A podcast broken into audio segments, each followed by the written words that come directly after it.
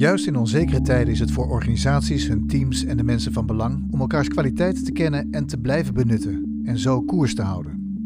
In deze podcastserie legt Muriel Schikkema, partner en medeoprichter van Direction, uit wat belangrijk is voor een duurzame continuering van je organisatie.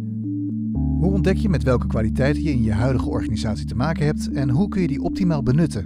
Dat bespreken we in deze podcast. Muriel, je hebt eh, in de vorige podcast het meerdere keren gehad over hoe belangrijk het is voor de leidinggevende om ja, een lerende cultuur te creëren. En dat geven en ontvangen van feedback daar onlosmakelijk mee verbonden is. Ja, dat klopt. Dat klopt.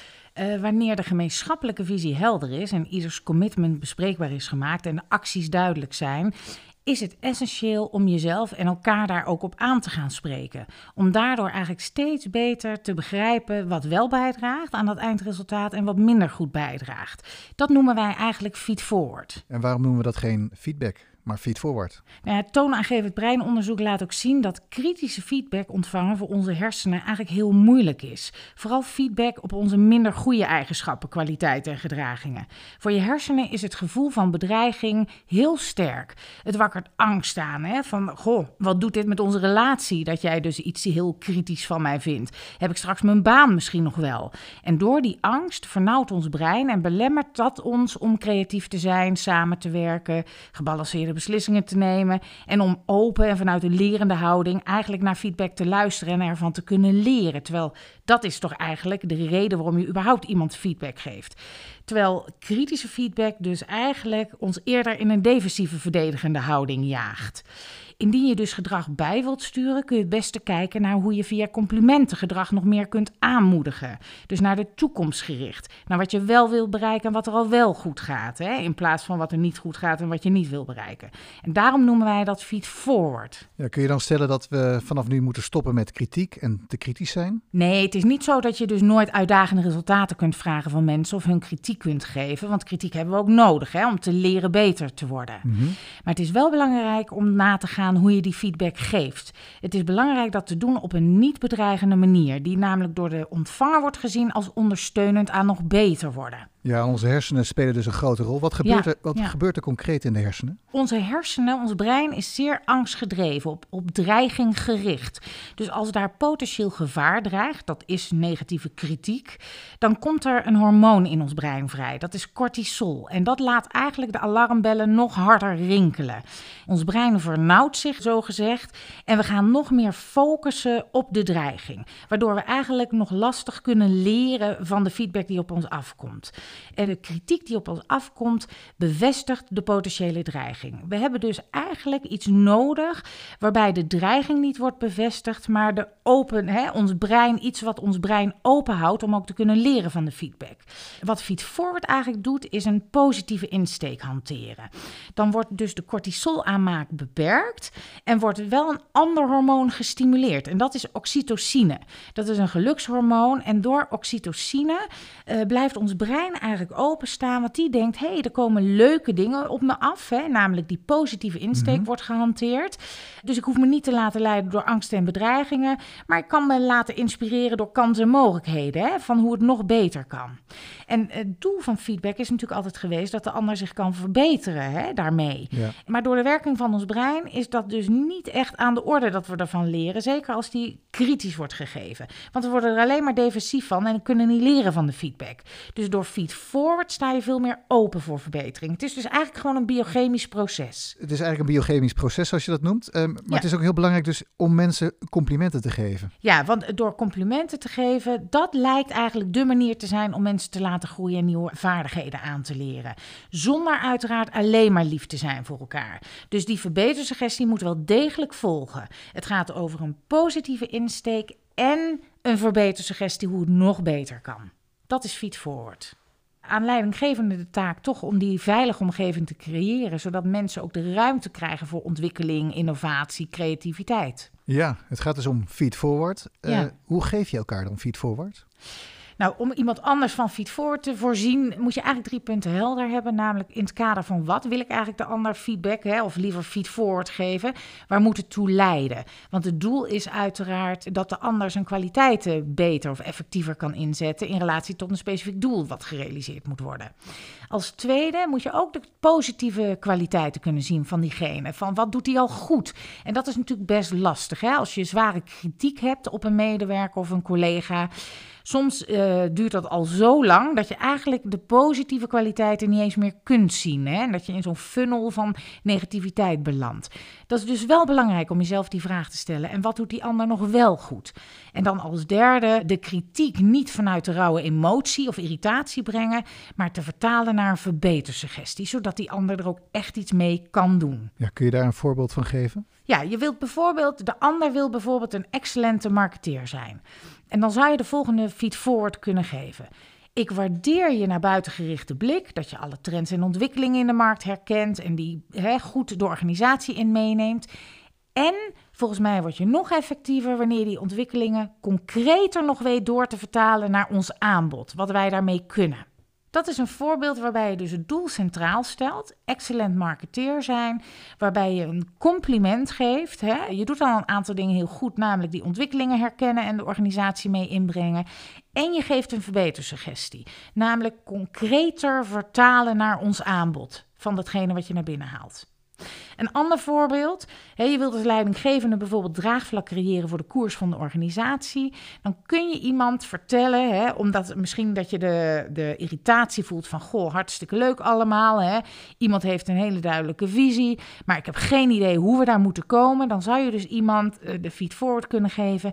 Ik waardeer dat je zo'n duidelijke visie hebt op waar het heen moet en dat je daar inspirerend over weet te praten.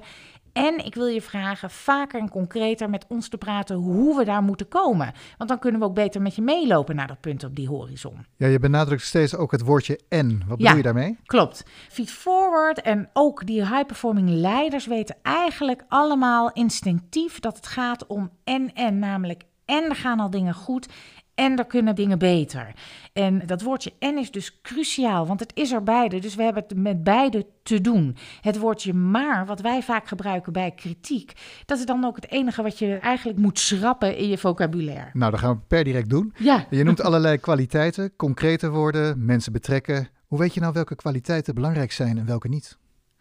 Nou, we hebben daar ook onderzoek naar gedaan. Hè. Meerder onderzoek wijst erop uit dat er uiteindelijk nu 48 kwaliteiten zijn die hoger correleren, zogezegd, met succesvol persoonlijk leiderschap dan andere kwaliteiten.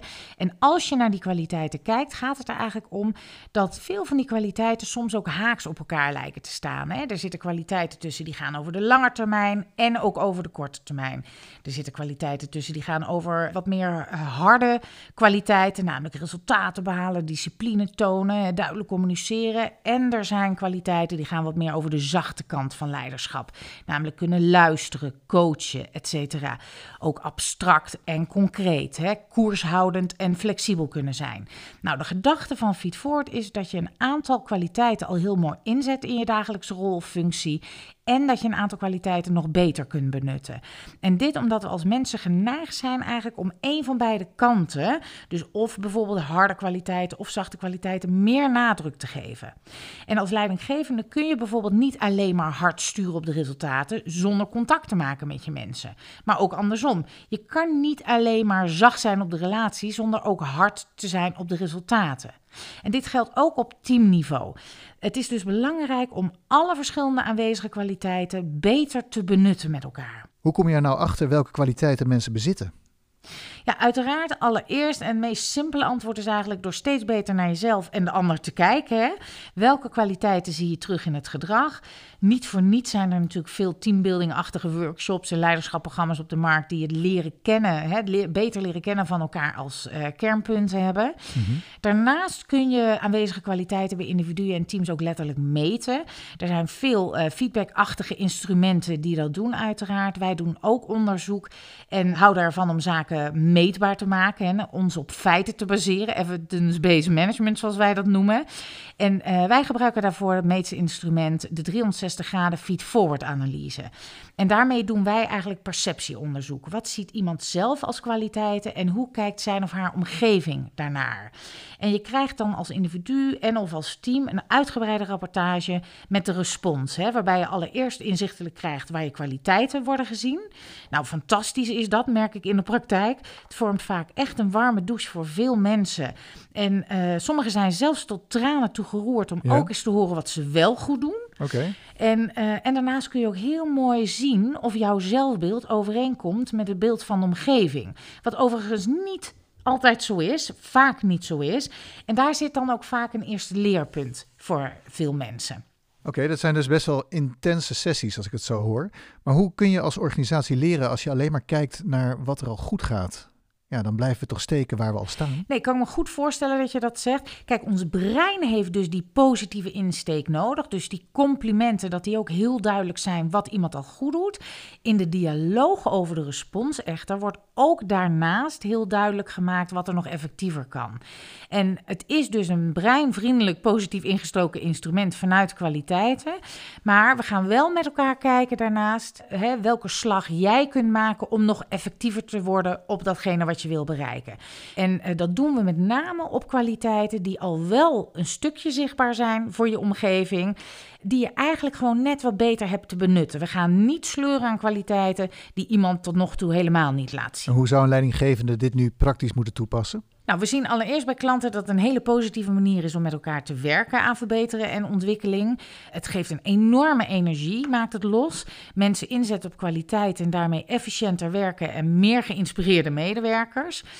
Ja, en dat is volgens mij al heel belangrijk in tijden van onzekerheid bij mensen, om het positief te houden. Hè? Om mensen ook te waarderen en kwaliteiten van mensen nog beter te benutten. Ja, dus het is het einde van het eindejaarsgesprek of de tussentijdse evaluaties. Ja, nou ja, het is wel waar wat je zegt. We zien steeds meer organisaties afstappen van de jaarlijkse beoordelingsgesprekken, hè, waarin de nadruk ligt op kritiek en verbeterpunten en eh, de afvinklijstjes, zo gezegd. En eh, zij maken de stap naar de continue dialoog over ontwikkeling en kwaliteiten.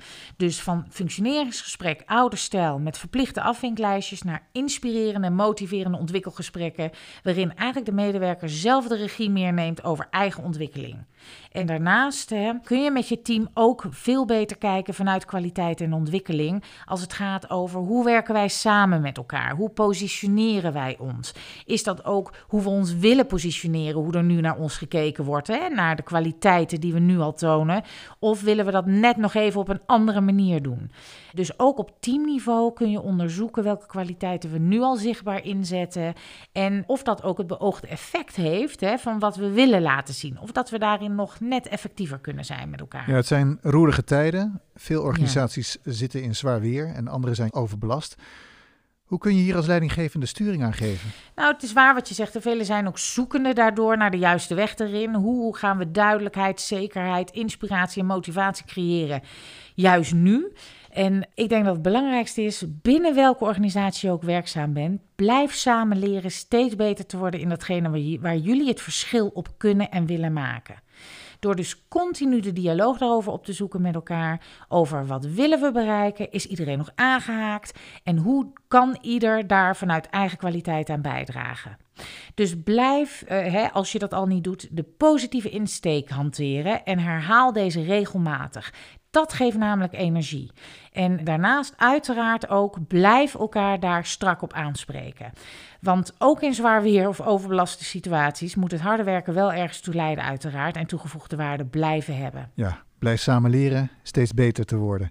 Uh, Laten we hopen dat iedereen snel beter wordt. Dat was de podcastserie Feed Forward in Leiderschap. Stel dat de luisteraars nog vragen hebben, kunnen ze je dan bereiken? Ja, ze kunnen me altijd bereiken via onze website www.leiderschapontwikkelen.nl en www.feedforwardanalyse.nl. En daar staan ook uh, e-mails en telefoonnummers genoemd waarop men ons kan bereiken. Ja. Muriel, hartelijk dank voor de duiding en uh, ja, inspirerende woorden ook. Tot de volgende podcast. Graag gedaan, dankjewel.